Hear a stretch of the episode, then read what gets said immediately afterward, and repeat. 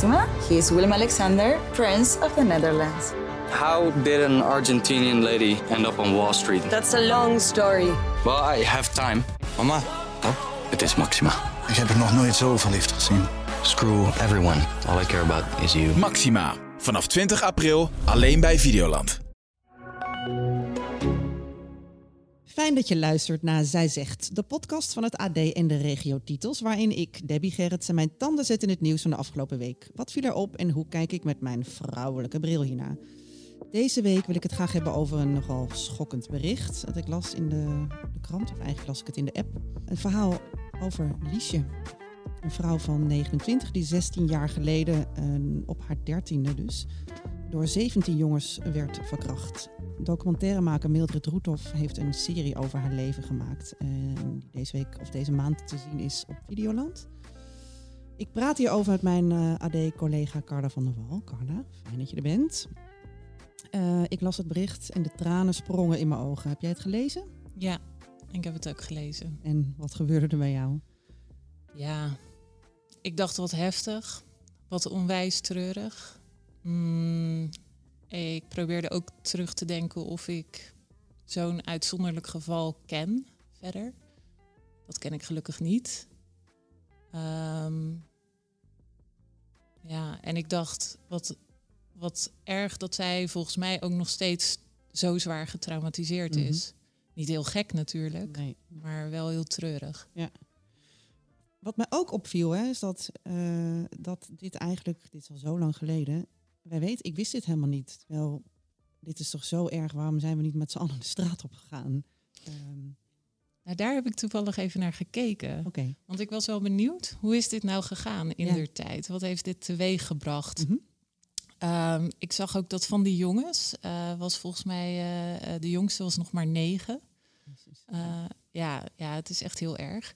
En ik las wel dat, het was dacht ik 2005, dat dat werd genoemd als een jaar waarin de ogen van hulpverleners wel zijn geopend voor de dingen die gebeuren in eh, kelderboxen, op plekken waar wij geen zicht op hebben. Mhm. En dan zie je wel ook meer van dat soort eh, berichten voorbij komen, maar gelukkig geen van alle met zoveel mannen, jongens eh, bij elkaar. Nee, dus het was even een, een trend, kan je dat zo zeggen? Ja, vind ik moeilijk om te beoordelen, want ik was in 2005 eh, nog aan het studeren. Ik was echt iets heel anders aan het doen. Ehm, dus dat vind ik moeilijk om te zeggen. Ehm, Heb jij in jouw eh, loopbaan als verslaggever bij het AD veel van dit soort zaken gezien?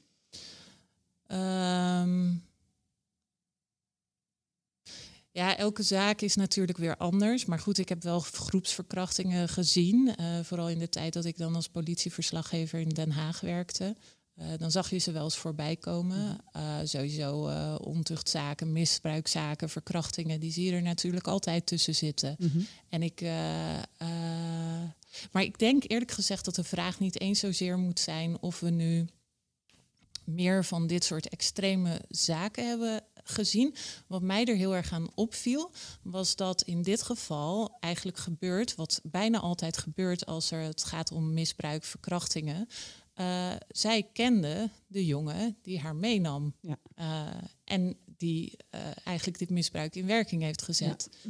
Ehm, en ik vind eigenlijk dat dat iets is waar we het veel vaker over moeten hebben.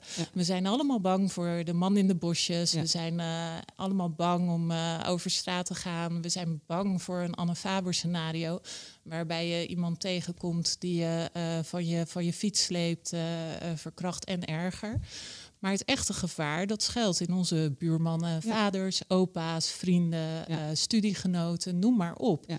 En als je vervolgens kijkt naar de cijfers die daaruit voortvloeien, dan zie je, ik geloof één op de vijf jonge vrouwen dat die te maken heeft met, en ik weet even niet hoe ze dat precies formuleren, grensoverschrijdend gedrag. Maar het gaat erom dat het gevaar eigenlijk veel dichterbij zit. En ik heb zelf het idee, ehm, ook door de verhalen die ik erover heb geschreven, dat mensen daar eigenlijk het liefste hun ogen voor sluiten. Ja. Een collega zei wel eens tegen mij, Carla, ik lees jouw verhalen niet. Toen ik eh, een tijdje veel over zeden schreef. Eh, want dat vind ik allemaal eh, veel te eng. Mhm. Die had drie kinderen. Ik dacht, je moet ze lezen. Mhm. Want je moet weten dat dit speelt. Iedere vader, moeder van een dochter moet eigenlijk weten waartegen je ze moet proberen te beschermen voor Mhm. zover dat kan. Mhm. Hè? Ehm, dus ik vind eigenlijk dat in die, eh, of het 17 mannen zijn, 4, 1, dat is eigenlijk wel wat mij het meeste opviel aan dit bericht, dat Ja. de kern hetzelfde is. Ja. In 80% van de gevallen eh, is het een bekende, inderdaad. Ja. Ja, Ehm, waardoor er ook heel veel schuldgevoel eh, kleeft. Hè? Dus als jij, en dat is het lastige in dit soort zaken, veel vrouwen voelen zich, voelen zich eh, schuldig. eh, eh, eh, ze zijn bang, ze schamen zich.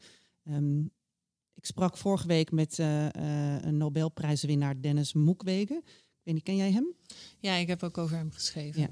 Eh, hij zei, eh, hij zei eigenlijk- dit ook, hè, omdat dat, dat het vooral bekende zijn, eh, is, het, is het schaamte en het zwijgen en het stilhouden en het ook maar niet over praten is een van de grootste problemen ehm, van verkrachtingen. Ja, omdat het natuurlijk ehm, heel diep ingrijpt in je eigen eh, leefwereld. Hè? Mhm. Ik bedoel, eh, ehm, er zijn families die erdoor verscheurd worden, ehm, eh, de, die kanten kiezen. Ja. ja, je, in je vriendengroepen is het ook een lastige boodschap om te vertellen. Ja. Ja, dat is, dat, dat is super heftig. Maar tegelijkertijd moeten we het er natuurlijk over hebben, want dit zijn de cijfers. En Heb die jij, liggen op heb jij het er met je vrienden, vriendinnen over? Ja, ehm, ja, zeker. Ja, ik wel. Maar het is, eh, ja, kijk. ehm, Maar dat is ook beroepsdeformatie. Misschien omdat je, het, eh, omdat je er al veel over schrijft of dat je er regelmatig over schrijft. ja, kijk, als iemand aan mij vraagt eh, hoe mijn werk eruit ziet, Mhm. dan zeker in een periode waarin ik toevallig dan veel over zeden schreef. is dat automatisch een onderdeel van mijn werk. En ik, maar ik, ja, ik, de, je, hè, je zoekt ook wel een beetje de mensen op die bij je passen. Uh, maar even afgezien daarvan, in mijn omgeving zijn er gewoon ontzettend veel mensen uh, die zijn misbruikt. De, en dat, en ik, eh, ik prijs mezelf inmiddels best wel gelukkig dat ik redelijk ongeschonden gewoon uh, op heb kunnen groeien Mhm. en mijn studietijd door ben gekomen. En ik, ik vind dat echt heel, heel erg, weet je wel. En ik, uh, ik heb juist daaraan ook gezien dat het inderdaad, weet je, dat het je date is die je niet kan vertrouwen. Dat het je buurman is die je niet kan vertrouwen. En dat is eigenlijk niet te verteren natuurlijk. Nee. Um, dus de, is daar genoeg aandacht voor? Het is natuurlijk het is een heel moeilijk gespreksonderwerp. Mm -hmm. Ik had laatst, uh, althans laatst, denk ik ook alweer, nou, dat is voor de pandemie, want het was een verjaardag. Maar toen raakte ik aan de, aan de, uh, aan de praat met de, de moeder van een vriendin van mij. En uh, wij hadden het inderdaad over zeden en over dat het de mensen zijn die je kent. En toen zag ik een eindje verderop dat bij iemand anders de, de tranen in de ogen sprongen. Mm -hmm. Uh, en dan heb ik al het gevoel van, oh, daar speelt iets. Daar is ongetwijfeld een ervaring geweest. Weet je, ik heb ook over MeToo geschreven. En toen zei een uh, chef tegen mij, ga, ga de straat op en uh, ga, ga maar eens vragen wat hun ervaringen zijn. Toen dacht ik, my god, wat is het? Straatinterviewtjes over zoiets. Ja. Maar wat me misschien wel meer schokte, was dat uh, gewoon op straat mensen daarover begonnen te vertellen. Mhm. En dat bijna iedere vrouw die ik aansprak wel een verhaal had. Waarvan één moeder met haar dochter. Mhm. Um, en die moeder vertelde me dat toen ze klein was, ze bij een vriendinnetje thuis was. En die vader van dat vriendinnetje had haar betast. Zij durfde het huis niet uit, want we moesten door de gang. En ze was bang dat die vader achter haar aan zou komen. Dus ze is daar gebleven totdat uiteindelijk haar ouders haar kwamen halen. Haar dochter wist dat niet, dat haar moeder dat was overkomen. Dus die hoorde dat daar op straat. Eerst. Ja, ja. Wow. ja. En um, ja, dat heeft me eigenlijk alleen maar gesterkt in de overtuiging dat we het dus inderdaad er wel over moeten hebben. Ja, ja het is een um, um, ingewikkeld onderwerp. Voor mij persoonlijk ook. Ik ben verkracht een paar jaar, uh, een paar jaar geleden. Ach.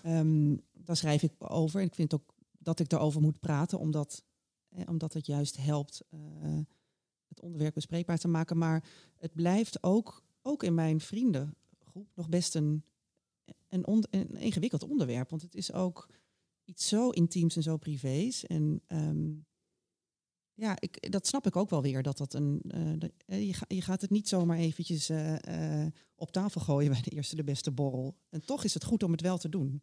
Maar mensen vinden het al heel erg moeilijk om überhaupt over seks te praten. Ja. Hè? Dus laat staan seks tegen je wil. Ja. Maar want mag ik vragen wat je is overkomen? Ehm, ik ben eh, zes jaar geleden, toen ik eh, uitging in Amsterdam, in een, eh, in een club, ehm, raakte ik aan de praat met iemand die graag met mij heel kort. Ik, bedoel, ik, zal niet, ik wil niet alles hierover vertellen, maar ik, raakte aan de praat met iemand met wie ik had gezoend. Hij wilde met mij mee naar huis en dat wilde ik niet. Ehm, ik ben naar huis gegaan, ik heb mijn jas gepakt en hij is achter mij aangelopen en heeft mij een wc ingeduwd. en dacht, als ik het niet goed schiks krijg, dan maar kwaad schiks. Eh, dus ja, dat is er gebeurd. En daarna ehm, ben ik naar huis gegaan, eh, heel erg in de war. En gaan slapen en dacht, dit is niet gebeurd. Eh, en werd ochtends wakker en ja, dan voel je aan alles, dit is wel gebeurd en hier moet ik eigenlijk iets mee. Maar ehm, de schaamte eh, is bijna, eh, dus het cliché dat, dat ik altijd heb gehoord van ja, vrouwen schamen zich heel erg en je gaat je schuldig voelen, je gaat toch denken, ik heb het zelf uitgelokt, dat overviel mij ook. Eh, terwijl ik heel goed weet dat, dat, eh, dat wat, wat er is gebeurd en dat ik het, dat ik het niet wilde en ehm, ja, dat, het, dat ik ben verkracht. Maar toch voel je, ehm, ja, toch voel je zoveel schaamte dat je er eigenlijk niet aan wil. En dat heb ik ook echt een beste tijd niet gedaan. Ehm, pas later ben ik gaan praten met iemand en eh, eh, heb ik therapie gehad, EMDR-therapie. Heeft me heel erg geholpen, overigens. Echt, daar ben ik mijn therapeut heel, heel, heel erg dankbaar voor. Eh, en kan ik erover praten. En ik vind ook dat ik erover moet praten, omdat dat het een grijs gebied is. Kijk, het verhaal Liesje is heel erg, en het slaat, slaat, sla ik heel erg op aan, omdat ik er natuurlijk heel verdrietig van word. Net als alle andere vrouwen. Ik bedoel, niet alleen ik, omdat het mij is overkomen. Maar goed, dat is nog, dat zo'n excess. Zo'n, dat, is, dat geweld is zo grof. Het grijze gebied daartussen, waar we het eigenlijk nu over hebben. Dus, de, dus, dus iemand die je kent, een, een, ehm, een, een date, een, een, eh, een, een goede vriend. Hè? Dus dat grijze gebied, daar gebeurt het vooral. Dat zijn, dat zijn de grootste aantal verkrachtingen in Nederland. En daar, daar moeten we het veel meer over hebben, ja. Ehm, dus ik, het is wel een soort missie geworden inmiddels om daar wel veel over te gaan praten. Ehm, ook omdat eh, deze vrouwen, en ik ook, wij, ehm, wij, zijn, wij zijn niet echt beschermd. Ook niet in, eh, in ons rechtssysteem. Ik aangifte doen is mij afgeraden. Want ja, ik had geen sporen van geweld. ehm, en het was zijn woord tegen het mijne. En, eh, en ja, kennelijk ben je dus als vrouw vogelvrij. Eh, en we hebben het er eigenlijk liever niet over, want eh, zwijgen is toch maar het beste. Dat doen we misschien zelf ook wel. Maar ook voor de wet is het een, is het een ja, word je ook niet geholpen, word, word je ook niet gezien. Dus ja, om daar een licht op te schijnen vind ik wel echt heel belangrijk.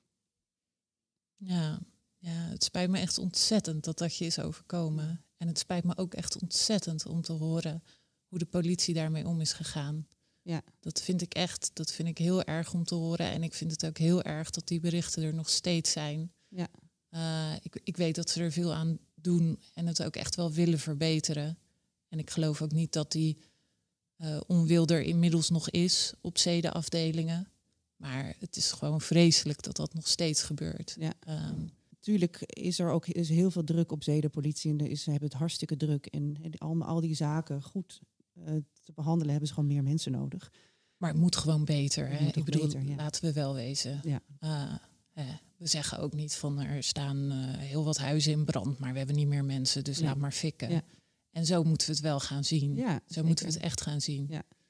En, en boven, kijk, eh, bij de politie wordt gewoon wordt gevraagd. Ja, eh, de, gelukkig is die wet aangepast hoor. Maar de wet was zo ingericht dat je moest laten zien dat er met, dat, dat je geweld, eh, wat er geweld was gebruikt. Tot die, eh, Anders was het heel moeilijk te bewijzen. Dus ehm, ja, dat, voor het meeste slachtoffers geldt dat vrouwen bevriezen als er zoiets gebeurt. Dus voor die hele grote groep vrouwen geldt de wet dus niet. Want eh, ja, je, je, je vecht niet terug. Het is, het is niet een, je, hebt niet, je hebt niet altijd blauwe plekken. Ehm, Nee. Dus ja, daarin voel je je ook schuldig. Want als je kennelijk, als kennelijk dat nodig is om tot een veroordeling te leiden, eh, te komen, dan, dan voel je je schuldig. En je hebt het dus blijkbaar eerst nog geprobeerd een soort weg te duwen. Uh, Ja. Geprobeerd te ontkennen dat het Ja. gebeurd was. Ja. Ja, ik dacht echt, dit kan toch niet dat ik op mijn leeftijd dit, dat mij dit overkomt. Het is heel erg dat ik het zo dacht, maar dat dacht ik wel, ja.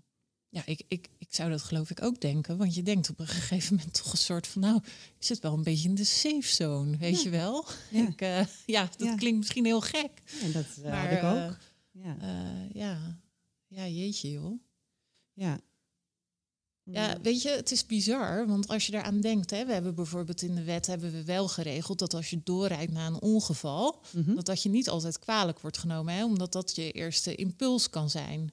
Eh, en, en, en dit bevriezen zit dus blijkbaar nog in de weg, of dat je niet. Ja. Inmiddels is het wel, moet ik zeggen, de wet hè, is, eh, willen ze aanpassen of is aangepast. Ik weet niet of het nu helemaal door is gekomen met het eh, demissionair kabinet. Maar het is wel zo dat, dat de wet door Grapperhaus is aangepast. In die zin dat je niet meer hoeft te bewijzen dat je hè, de, de- geen sporen van geweld hoeft te laten zien. Ehm, eh, als je allebei, als je als, als allebei de partijen weten dat je geen seks wil, dus een nee eigenlijk, is, Ja. moet dan ook volstaan. Precies. Ja.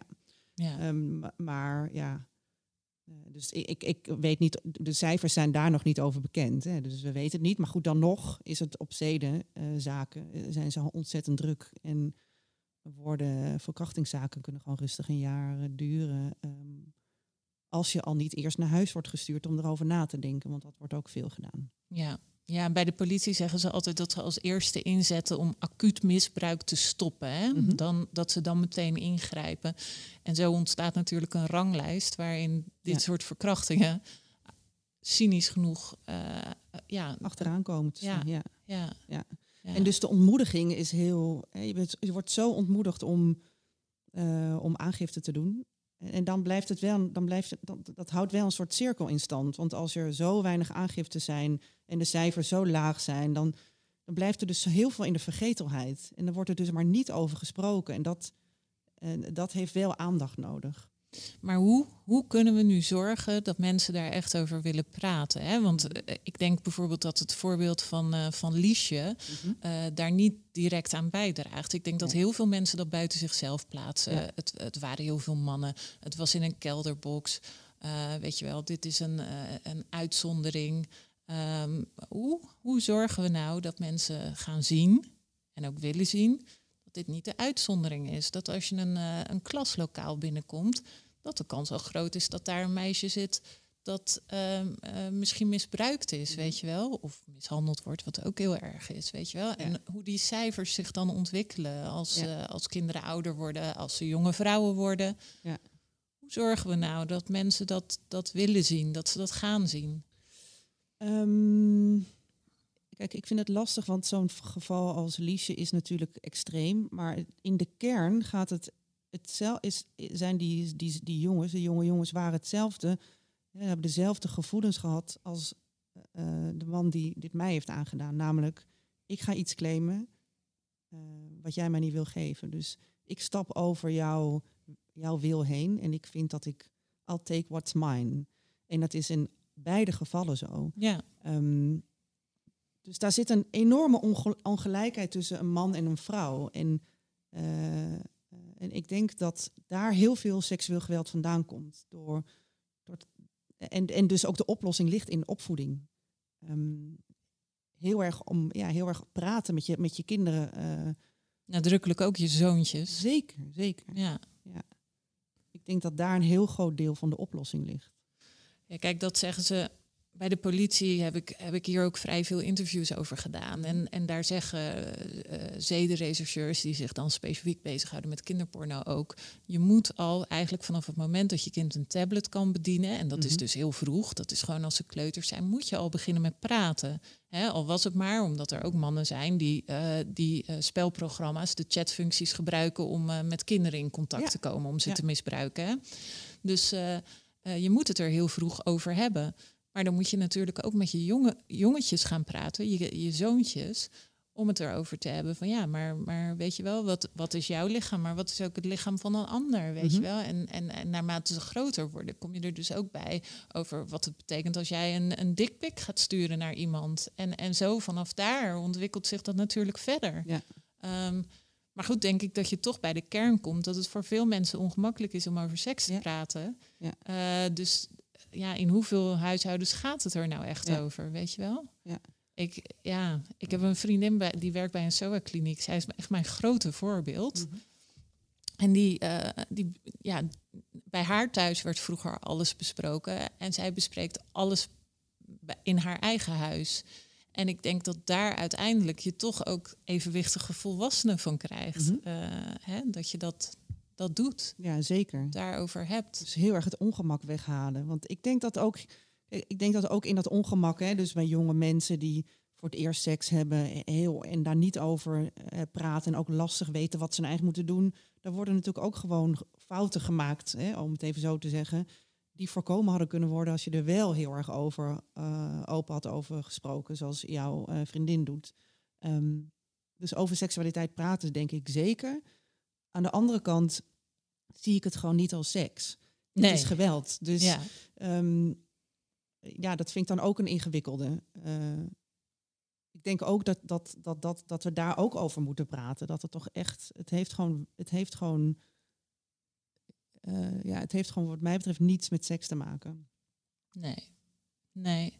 Er is in Scandinavië een vrouw die met haar vriendje, die haar had verkracht, die heeft ze jaren later opgezocht. Hè? En die zijn samen eh, zijn ze naar buiten getreden. Hij als verkrachter en zij als slachtoffer. En hij zei ook, eh, als ik me dat goed herinner, ja, ik dacht gewoon dat ik er recht op had. Eh, weet je, het, was, het, hoorde er gewoon bij. En het maakte niet zoveel uit dat zij dronken was. En Nee. dat ze had gedroomd van het feest waar ze waren. En dat ze het heel anders gewild had. En dat ze eigenlijk geen toestemming meer kon geven en knock-out was.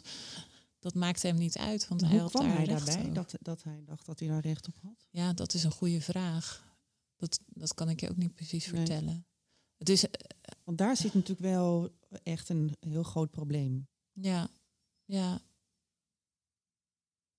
Waarom, waarom denk, denk, denken mannen, ja en niet alle mannen, en niet alle mannen zijn verkrachters, dat weet ik, maar we, we, we zouden dat een man moeten vragen. Ik, eh, weet je, ik sprak laatst met een advocaat over ehm, moorden op vrouwen. En hij zei, er is een soort elfde gebod.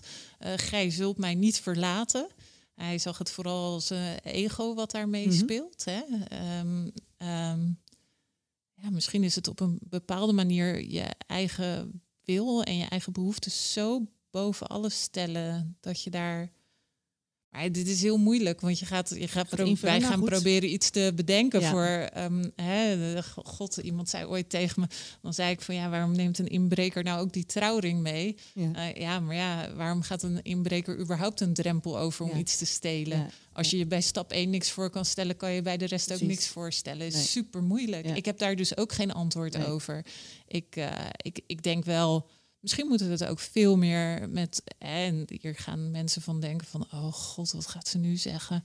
Maar misschien moeten we het ook veel meer met jongetjes ook hebben over gevoelens ja. over emoties en hoe je daarmee omgaat, Ja. weet je wel. En dan, eh, dan zeggen mensen natuurlijk al snel van eh, je wil van jongetjes meisjes maken. Daar gaat het niet om. Maar het gaat wel om, denk ik, gezonde manier om om te gaan met afwijzing, om teleurstelling, boosheid. eh, en, en daarvoor hoeven ze helemaal geen meisjes te worden. Nee. Maar ehm, het is wel goed als ze, er, als ze, als ze daarmee om leren gaan. Ja. En dan denk ik toch dat hè, er, laatst had, had, had Lego eh, een campagne op vrouwen. Voor meisjes natuurlijk. Maar daar stond eigenlijk, en dat, dat hele bericht ging vooral eigenlijk over meisjes. Maar er stond ook in dat jongens veel banger zijn om meisjes speelgoed op te pakken. Klopt, dan ja. dat meisjes bang zijn om jongens speelgoed op te pakken. ja. ja. Ik vond dat eigenlijk ehm, eh, ehm, minstens zo problematisch als het rol, rolmodel wat meisjes wordt opgelegd. Hè? Want eh, als een jongen geen, geen, eh, geen pop durft op te bak- pakken omdat hij bang is uitgelachen Uitgelachen, te worden, ehm, wat, wat betekent dat over hoe die leert om zorgzaam te zijn? Maar wat voor een zegt het ook over de. Wat, dat vind ik ook interessant. Wat zegt het dan over jongens en meisjes? Dat dus kennelijk het lachwekkend is om met een pop te spelen. Je bedoelt, waar staan wij dan in de maatschappij? Ja, ja, dat is een hele goede vraag. Daar kunnen we een volgende podcast over gaan maken. U luisteren, blijf luisteren. ja. Ja, nee, dat zeker. Wat zegt dat over ons? Dat wij dingen doen waar je blijkbaar om. Om het eh, lachen. ja, Ja. ja, ja, Maar goed, ik vond vooral ook, hè, want uiteindelijk is spelen is een manier Ja. om te leren, om te leren omgaan met je emoties. Om te, hè, ik bedoel, daar, daar leer je van. Vadertje en moedertje spelen is heel belangrijk, Ja. omdat je daarvan eh, op een gezonde manier eh, leert omgaan met verhoudingen binnen een gezin. En daarbij kun je ook dingen proberen, waarbij je ineens met allemaal dingen gaat gooien en zo. Hè? En eh, dat is gewoon, gewoon goed voor je ontwikkeling. Ja. Maar waarom, waarom zouden, zouden jongens dan vervolgens dat niet? Nee, dat hè? klopt. Niet met de baby aan de haal kunnen, met Nee, babypop precies. Maar of goed, de dus, Barbie. dus er zit de- gewoon ongelooflijk veel in opvoeding. Daar begint het uiteindelijk mee. Eh, al, ehm, ja, opvoeding in die zin dat, dat je kinderen, jongens en meisjes, leert dat, dat ze gelijkwaardig zijn. ehm, en een gelijkwaardige positie hebben. Maar uiteindelijk, ja, toch als je kijkt, eh, hè, als je kijkt naar onderzoeken, zorg komt nog vooral terecht voor kinderen op vrouwen. Ehm, het, is, het is in heel veel gezinnen allemaal helemaal niet zo eh, gelijk verdeeld. En iedereen moet doen waar hij zich gelukkig bij voelt. Maar uiteindelijk kunnen we niet ontkennen dat, dat huiselijk geweld vooral plaatsvindt tegen vrouwen, dat seksueel geweld vooral plaatsvindt tegen vrouwen. Ja. Ja, dat, dat zijn wel de feiten. Ja. En dat maakt ons ook niet, niet helemaal gelijkwaardig. Nee. nee, het maakt ons zeer kwetsbaar. Zeker. Nou ja, we moeten hier vaker over gaan praten. Ja, ik denk het ook. En ik, en ik hoop echt, echt zo dat mensen ook gewoon die verhalen willen gaan horen. Mhm. En dat ze ze willen gaan lezen als ze geschreven worden. En dat ze. ehm, weet je, je, je kunt niet met wantrouwen kijken naar elke buurman. En je kunt niet met wantrouwen kijken naar elke eh, eh, meester op de school tussen de juffen. Dat gaat niet. Maar het is wel heel belangrijk eh, dat je je ogen goed open houdt. Ja. Weet je wel? Dat je, dat je ze in elk geval niet sluit voor de mogelijkheid dat. Mhm. Want er, er, zijn, er zijn heel veel mensen heel eenzaam onder. Hè, en of dat nu gaat om partnergeweld of om, om misbruik van kinderen. Ehm, maar er zijn heel veel mensen die voortploeteren, weet je wel. Mhm. En eh, ja, als jij ook zegt eh, van eh, ja, niet, niet iedereen wil zo'n verhaal horen. Ja, jemig. Ja. Jemig. Dat is nogal wat. We moeten het gewoon blijven doen. Dat is de conclusie. Dankjewel voor het gesprek. Wil jij meer van mij horen en lezen? Ga dan naar ad.nl slash zijzegt en abonneer je op mijn nieuwsbrief.